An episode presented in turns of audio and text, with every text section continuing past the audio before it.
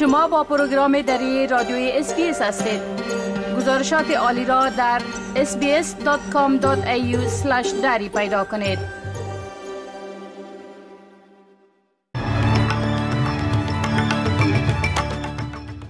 با عرض سلام ما صاحب شکیب شما را به شنیدن مهمترین اخبار امروز دوم ماه جنوری سال 2024 دعوت می کنم.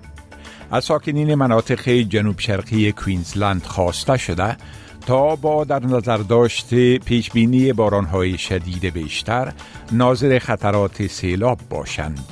فعالین حقوق بشر و گروه های سیاسی در تبعید افغانستان در مورد قطنامه اخیر شورای امنیت ملل متحد ابراز خوشبینی کردند.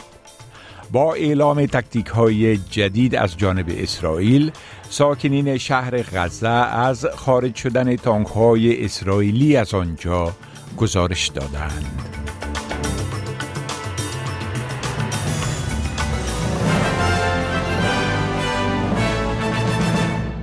تفصیل اخبار ادارات خدمات اضطراری کوینزلند از ساکنین مناطق جنوب شرقی این ایالت می خواهند تا متوجه خطرات سیلاب باشند زیرا بارش های شدید در بریزبون و ساحل سنشاین پیش بینی می شود.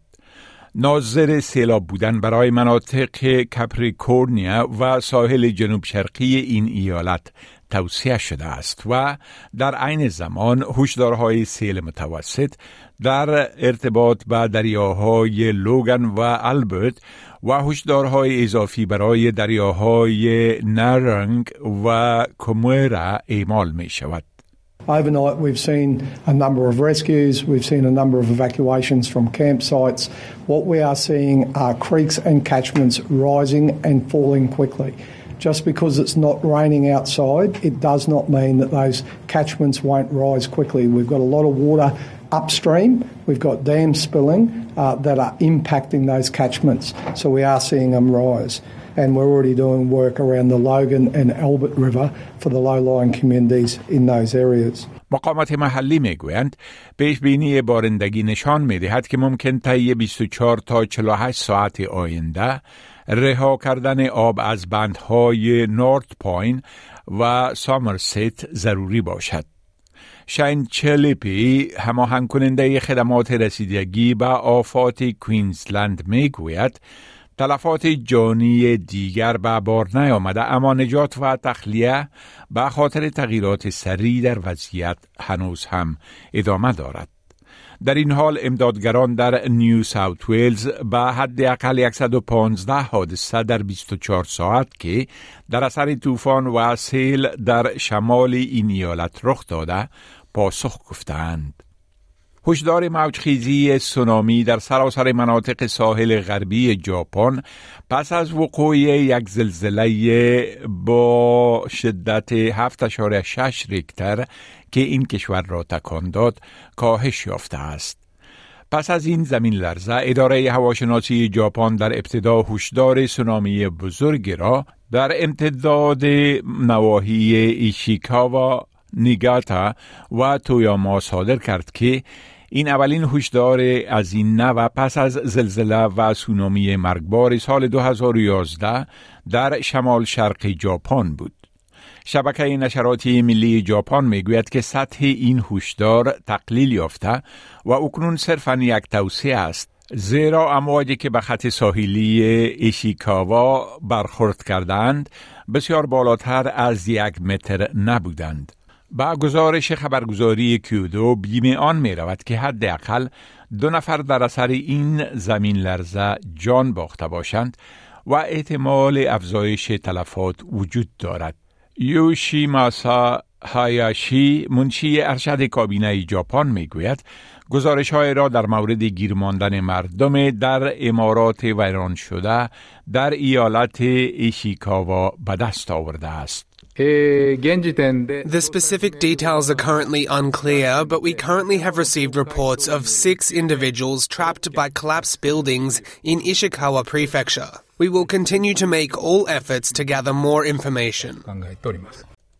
محققین به تداوی مرض شکر نو یک نزدیکتر شدند و یک مؤسسه طبی در ملبورن راه را برای تنظیم مجدد سیستم تولید انسولین در مبتلایان پیدا کرده است.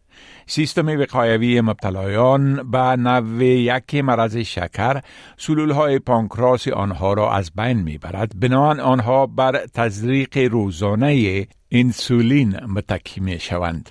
اما مؤسسه بیکر هارت این دایابیتیز انستیتوت دو دوای را پیدا کرده که می تواند تولید انسولین را در سلول های پانکراس آسیب دیده توسط این بیماری بازسازی کند. این دواها که قبلا در ایالات متحده برای تداوی سرطان های نادر تایید شدن می توانند تولید انسولین را در کمتر از 48 ساعت برگردانند. سم الاوستا محقق ارشد در این مؤسسه به چینل نو گفت که این یک درمان موفقیت آمیز است اما هنوز باید برای چند سال دیگر تحقیق و آزمایشات بیشتری انجام شود تا بیماران بتوانند به آن دسترسی پیدا کنند. So the therapy is aimed at reducing or and perhaps eliminating round the clock insulin injections by regenerating uh, and harnessing patients' own pancreatic cells. So we're now moving into animal uh, studies over the next two to three years. So we're hoping between the next five and ten years we should see uh, a rapid uh, expansion in our uh, research pipeline. گزینه های تداوی کنونی مرض شکر سطح گلوکوز خون را کنترل می دهد اما از تخریب سلول های تولید کننده انسولین جلوگیری نمی کنند.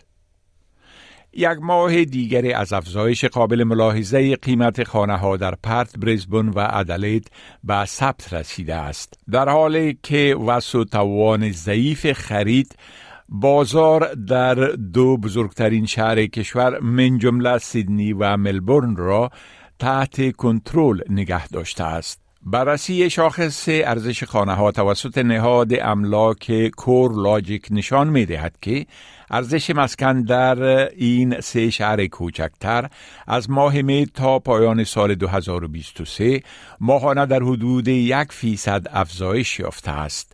در سطح ملی ارزش خانه ها در دسامبر 0.4 فیصد افزایش یافت و قیمت ها در مجموع در سال 2023 8.1 فیصد بلند رفتند.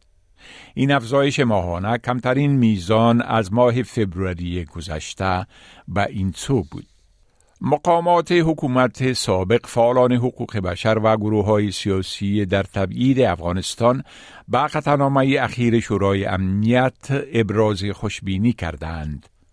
این قطعنامه که روز جمعه با 13 رأی موافق و دو رأی ممتنع روسیه و چین تصویب شد شامل یک نقشه راه گفتگو با طالبان و درگیر ساختن کامل افغانستان در جامعه بین المللی است. طبق یک گزارش بی بی سی جبهه آزادی افغانستان متشکل از شمار از اعضای نیروهای امنیتی و حکومت سابق که حملات علیه نیروهای طالبان انجام می دهند تصویب قطعنامه 2721 شورای امنیت را نشانه مثبت خوانده و اما گفته است که افزایش تعامل با طالبان هیچ کمک به حل مسئله و کاهش بحران نکرده است. در این حال اتحادیه فعالین حقوق بشر خواستار تعویز دفتر معاونت ملل متحد معروف به یونوما با نماینده خاص سرمنشی ملل متحد برای افغانستان شده و گفته است که عملکرد یونوما طی دو سال اخیر برای فعالین حقوق بشر نگران کننده بوده و در بعض موارد شکایت های جدی نیز وجود دارد. در حالی که اسرائیل پروگرام های را برای تغییر تکتیک ها و کاهش تعداد نیروها در غزه اعلام می کند، تا نیروهای اتیاتی بتوانند به زندگی غیر نظامی و حمایت از اقتصاد آسیب دیده آن کشور برگردند ساکنین غزه می‌گویند که مقامات نظامی اسرائیل تانک ها را از بعض مناطق شهر خارج کردند این تغییر در حال صورت می گیرد که نیروی دفاع اسرائیل گفته است که از زمان آغاز تهاجم زمینی اسرائیل به غزه در 27 اکتبر 172 سربازش کشته شدند. اسرائیل می‌گوید که جنگ آنها علیه اماس که به گفته مقامات سیهی غزه نزدیک به 22 هزار فلسطینی را کشته و بخش زیادی از غزه را به ویرانه تبدیل کرده ماهای بیشتر ادامه خواهد یافت. ولی اکنون مرحله جدید را در تهاجم خود اعلام کرده و یک مقام رسمی اسرائیل گفته است که ارتش در ماه جاری نیروهای خود را از داخل غزه خارج خواهد کرد ولی عملیات زمینی بیشتر را انجام خواهد داد. پاتریک باری تحلیلگر دفاعی و امنیتی در پوهنتون باث به الجزیره گفت که این می تواند نشان دهنده یک تغییر تکتیکی قابل ملاحظه باشد. The Israelis will always know when they plan their operations, they only have a certain amount of time to achieve as much as they can uh, in terms of fighting their, degrading their enemies before, if it's against the Palestinians, before international opinion turns against them. So it's quite conceivable that phase one and two were really about degrading and destroying Hamas as much as they could using their overwhelming air power and mm. firepower. And phase three might switch, and again, we'll have to see into a more of a uh, targeted and almost counterinsurgence approach, especially concentrated in the south against the remainder of, of Hamas. They seem to be fairly degraded and destroyed in the northern third. مولانا فضل الرحمن رهبر حزب جمعیت علمای اسلامی پاکستان از یک سوی قصد جان به سلامت برده است. گزارش ها می گویند که یک دسته از افراد مسلح ناشناس بر کاروان موترهای مولانا فضل الرحمن در ایالت خیبر پختونخوا گلوله‌باری کردند اما به وی و اعضای هیئت همراهش آسیب نرسید. سخنگوی حزب جمعیت علمای اسلامی گفته که رهبر این حزب در یک کاروان شامل ده تا پانزده موتر آزم دیره اسماعیل خان بود که بر وی حمله شد. تا کنون کسی یا گروه مسئولیت این حمله را به عهده نگرفته است.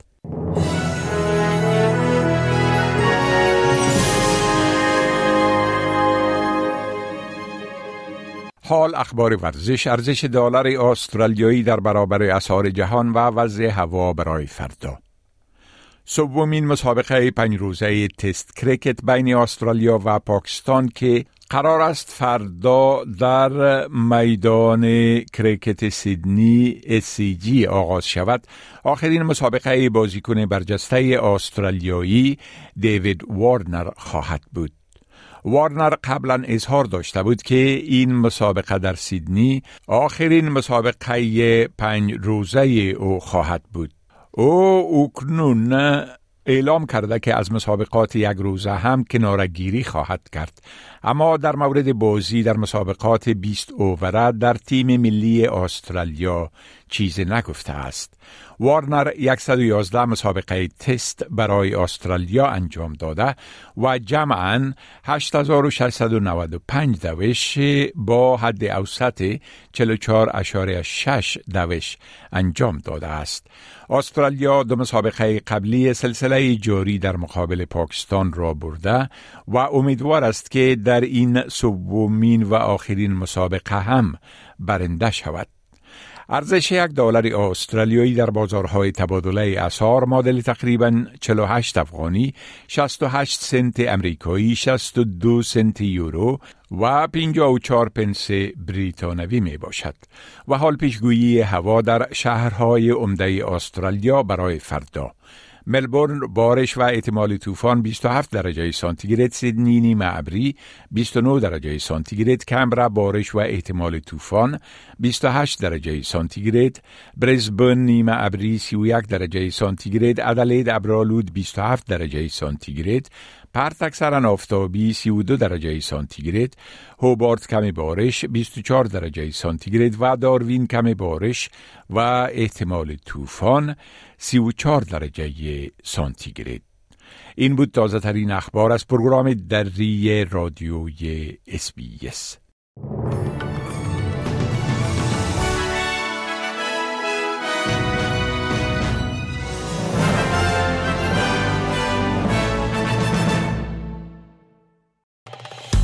بپسندید شریک سازید و نظر دهید. اسپیس دری را در فیسبوک تعقیب کنید.